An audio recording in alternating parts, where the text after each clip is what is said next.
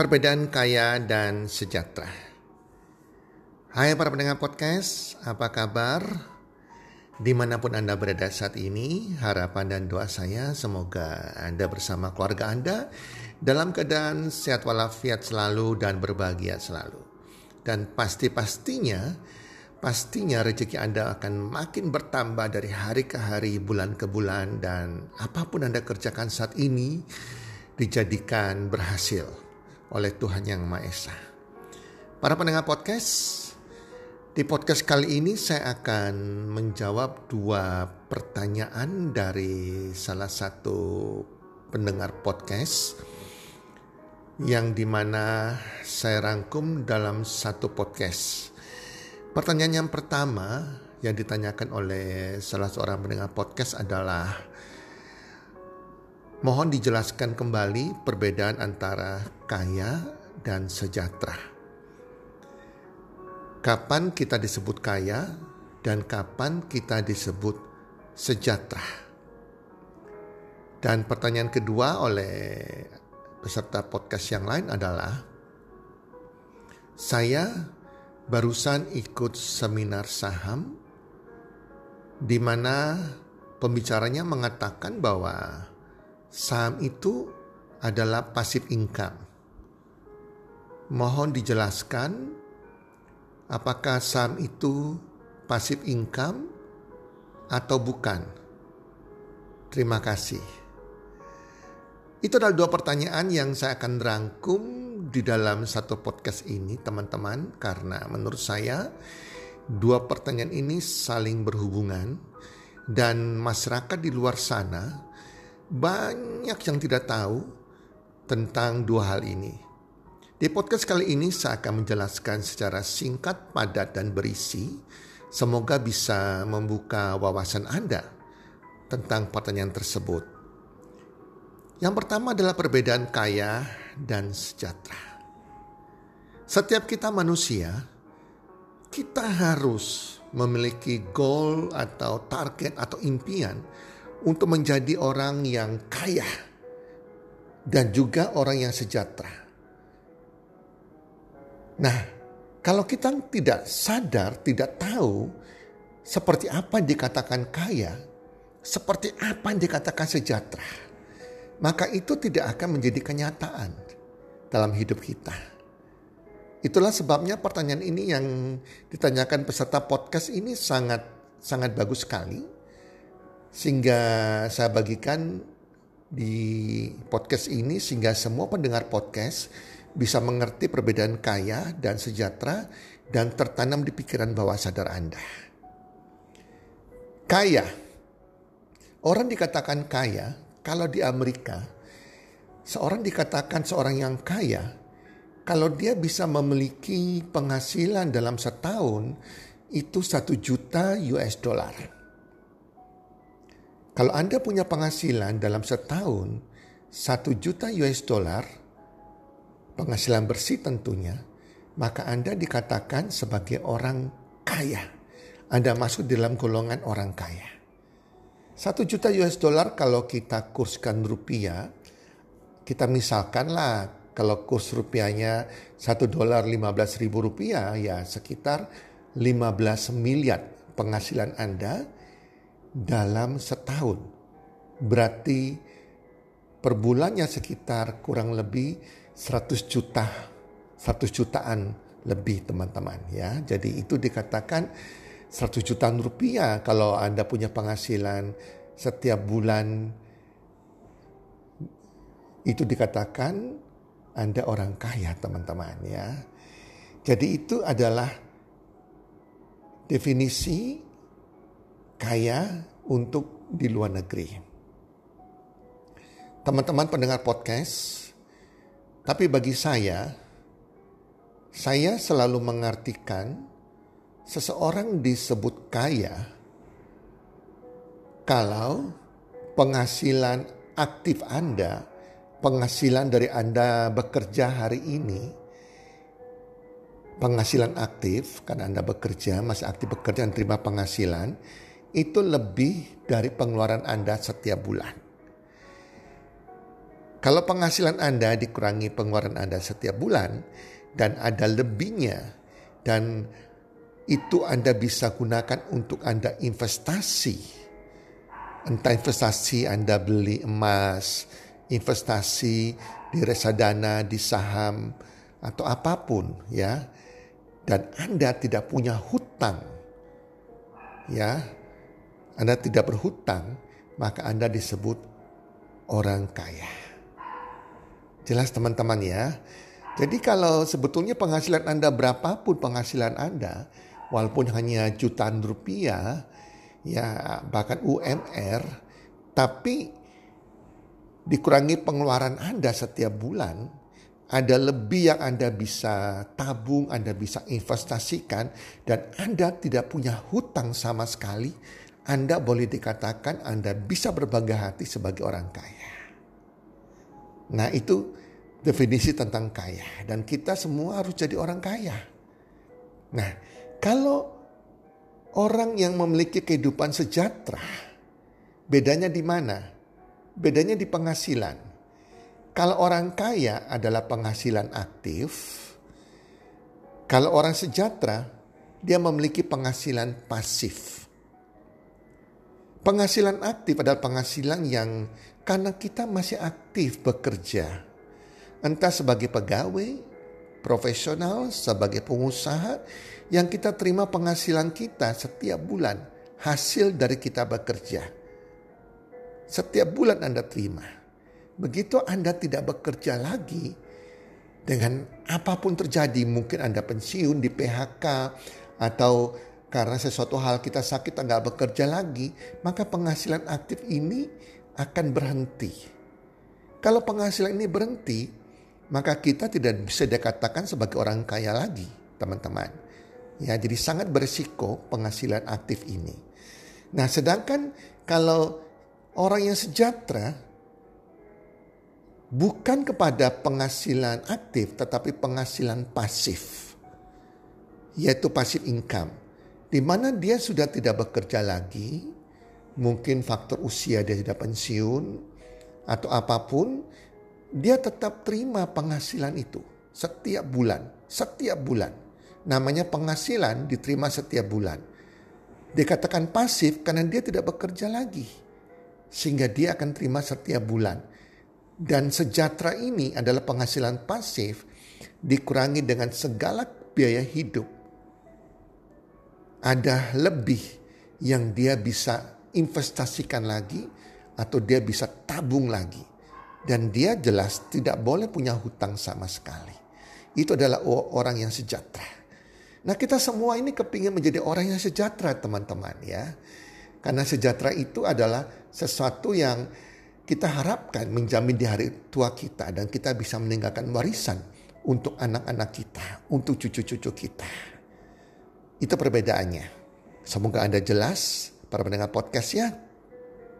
Sedangkan pertanyaan kedua bahwa ada pendengar bertanya kepada saya bahwa dia ikut seminar saham dan pembicaranya mengatakan bahwa uh, saham itu adalah pasif income.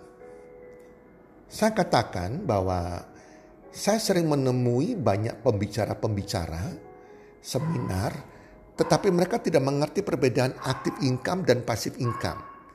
Sekali lagi, saham ini bukan pasif income. Kenapa demikian? Yang dikatakan penghasilan pasif atau pasif income adalah penghasilan yang kita terima. Kita terima setiap bulan. Kita terima setiap bulan. Kata kuncinya setiap bulan. Ya, jadi sedangkan kalau Anda main saham, entah Anda sebagai seorang trader yang Anda main setiap hari untuk kehidupan Anda, trading for life istilahnya, itu kan Anda aktif. Anda masih aktif. Jual beli saham. Kapan Anda jual, kapan Anda beli, ya. Dan Anda close juga, closing di hari itu juga untuk kehidupan Anda. Nah ini bukan dikatakan penghasilan pasif. Karena pada waktu Anda sebagai seorang trader, Anda trading saham, begitu Anda berhenti, tidak trading, entah Anda sakit atau ada keperluan lain ya, maka tidak ada penghasilan yang masuk teman-teman.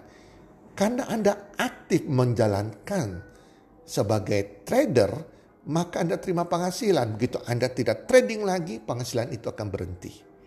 Ini adalah penghasilan aktif. Jadi Anda sebagai trader, Anda trading saham, Anda trading forex, trading emas misalnya atau apa pun itu, itu adalah active income. Sedangkan kalau Anda sebagai investor, istilah Robert Kiyosaki di kuadran 4, Anda punya peternakan uang, Anda membeli saham, Anda simpan ya, kemudian Anda membeli reksadana, obligasi, Anda juga simpan, terus kemudian uh, Anda beli emas, Anda simpan. Nah, ini adalah bukan passive income. Ini adalah portfolio income. Portfolio income. Karena mungkin di atas kertas Anda untung. Anda beli saham misalnya 10 ribu rupiah per lembar saham, sekarang naik menjadi 12 ribu. Ada capital gain, ada keuntungan 2000 per lembar saham. Atau Anda beli properti, Anda beli rumah. Dulu Anda beli 1 miliar, dua tahun kemudian jadi 1,2 miliar. Ada keuntungannya. Nah, itu semua adalah portfolio income, bukan passive income. Passive income adalah penghasilan Anda terima rutin setiap bulan. Sedangkan portfolio income adalah keuntungan di atas kertas yang belum direalisasikan. Kalau Anda belum menjual properti Anda, Anda belum menjual obligasi Anda, belum menjual saham Anda, belum menjual forex Anda, maka itu keuntungannya belum menjadi kenyataan. Hanya di atas kertas dan juga bisa menjadi rugi kalau turun harganya. Jelas teman-temannya itu portfolio income. Kita juga butuh portfolio income ini adalah peternakan uang saya katakan atau peternak perkebunan uang. Anda Anda investasi itu di kuadran 4 adalah peternakan uang atau perkebunan uang yang di mana Anda menanam pohon, pohonnya itu bisa berupa saham, emas, properti atau apa pun itu, obligasi. Nah, kalau dia sudah menghasilkan keuntungan artinya sudah berbuah. Nah, buahnya uang. Tinggal kapan Anda panen. Kalau Anda menjualnya arti Anda panen mengambil keuntungannya. Dan kalau Anda sudah ambil keuntungannya, ya pohon Anda Anda harus menanam lagi. Harus beli lagi saham, beli lagi properti, beli lagi uh, reksadana dan lain-lain. Itu adalah portfolio income. Kita perlu-perlu tetapi yang kita lebih perlukan adalah passive income. Karena kita butuh setiap bulan setiap bulan Anda terima tanpa bekerja lagi. Itu adalah passive income. Orang sejahtera, orang punya passive income. Teman-teman pendengar podcast, banyak orang kaya, banyak orang-orang biasa saja. Mereka mulai menabung saham dan lain-lain. Mereka membeli emas, menyicil properti, dan umumnya orang punya portfolio income. Tetapi sedikit sekali orang yang punya pasif income yang bisa terima setiap bulan penghasilan pasif walaupun mereka tidak bekerja lagi teman-teman. Ya, penghasilan pasif contohnya misalnya Anda punya properti, punya rumah, Anda koskan, Anda kos. Nah, itu adalah pasif income. Anda terima setiap bulan. Jadi Anda walaupun bekerjanya bukannya 10% hanya mengawasi kos-kosan Anda aja itu tetap pasif income. Anda punya deposito yang bunganya Anda terima setiap bulan tanpa Anda bekerja. Itu adalah pasif income. Ya, jelas teman-temannya. Anda beli bisnis franchise, entah Alfamart, Indomart, franchise yang real franchise, bukan franchise opportunity, business opportunity loh. Teman-teman franchise sudah jadi, Anda cuma siapkan modal dan tempat, Semuanya sistem mengatur untuk Anda oleh perusahaan franchise-nya dan Anda akan terima laporan keuangannya setiap bulan dan dibagikan penghasilan setiap bulan kepada Anda. Franchise itu adalah passive income juga. Nah, Anda di bidang network marketing ya, network marketing yang benar loh ya teman-teman, bukan mati level marketing tapi network marketing. Banyak orang terkecoh seperti halnya dengan franchise. Banyak orang pikir, wah franchise itu di kuadran 3 bisa menghasilkan passive income. Salah teman-teman, ada franchise, the real franchise sistemnya sudah teruji, terbukti puluhan tahun berdirinya. Kita nggak terlibat sama sekali. Sistem bekerja untuk kita. Sedangkan banyak sekali franchise-franchise yang belum sampai lima tahun sudah menawarkan kita menjadi bisnis franchise-nya. Yang dikatakan bisnis opportunity sebetulnya bukan the real franchise. Dan Anda masih terlibat di dalamnya. Itu bukan franchise yang dimaksudkan di kuadran tiga yang bisa memberikan passive income. Sama juga bisnis network marketing banyak MLM ngakunya pasif income, pasif income. Bukan teman-teman. Yang menurut saya itu pembohongan publik. Nah, ada network marketing. Tapi tidak semua yang bisa memberikan pasif income. Anda membangun aset di sebuah perusahaan network marketing dan Anda jika sudah berhasil, Anda tidak bekerja lagi. Anda akan terima pasif income setiap bulan. Sampai kita meninggal pun, jika aset itu sudah jadi, maka anak kita nggak perlu bekerja lagi, dia akan terima pasif income setiap bulan. Kata kuncinya adalah penghasilan Anda terima setiap bulan. Kalau portfolio income itu adalah keuntungan di atas kertas. Kita tidak terima penghasilan setiap bulan. Jelas teman-teman ya. Semoga Anda bisa membedakan dan lebih menambah wawasan pemikiran Anda.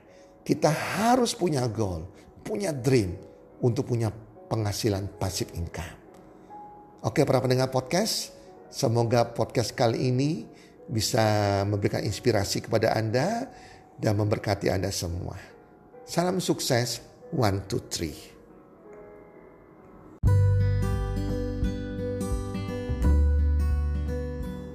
Terima kasih sudah mendengarkan podcast kami. Teman, jika Anda rasa bermanfaat podcast kami ini, Anda bisa menginfokan kepada rekan kerja Anda keluarga Anda, teman ataupun sahabat Anda.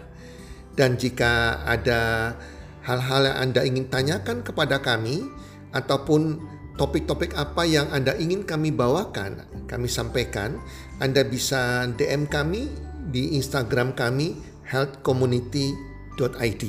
Salam one two three, salam sehat, sejahtera dan bahagia.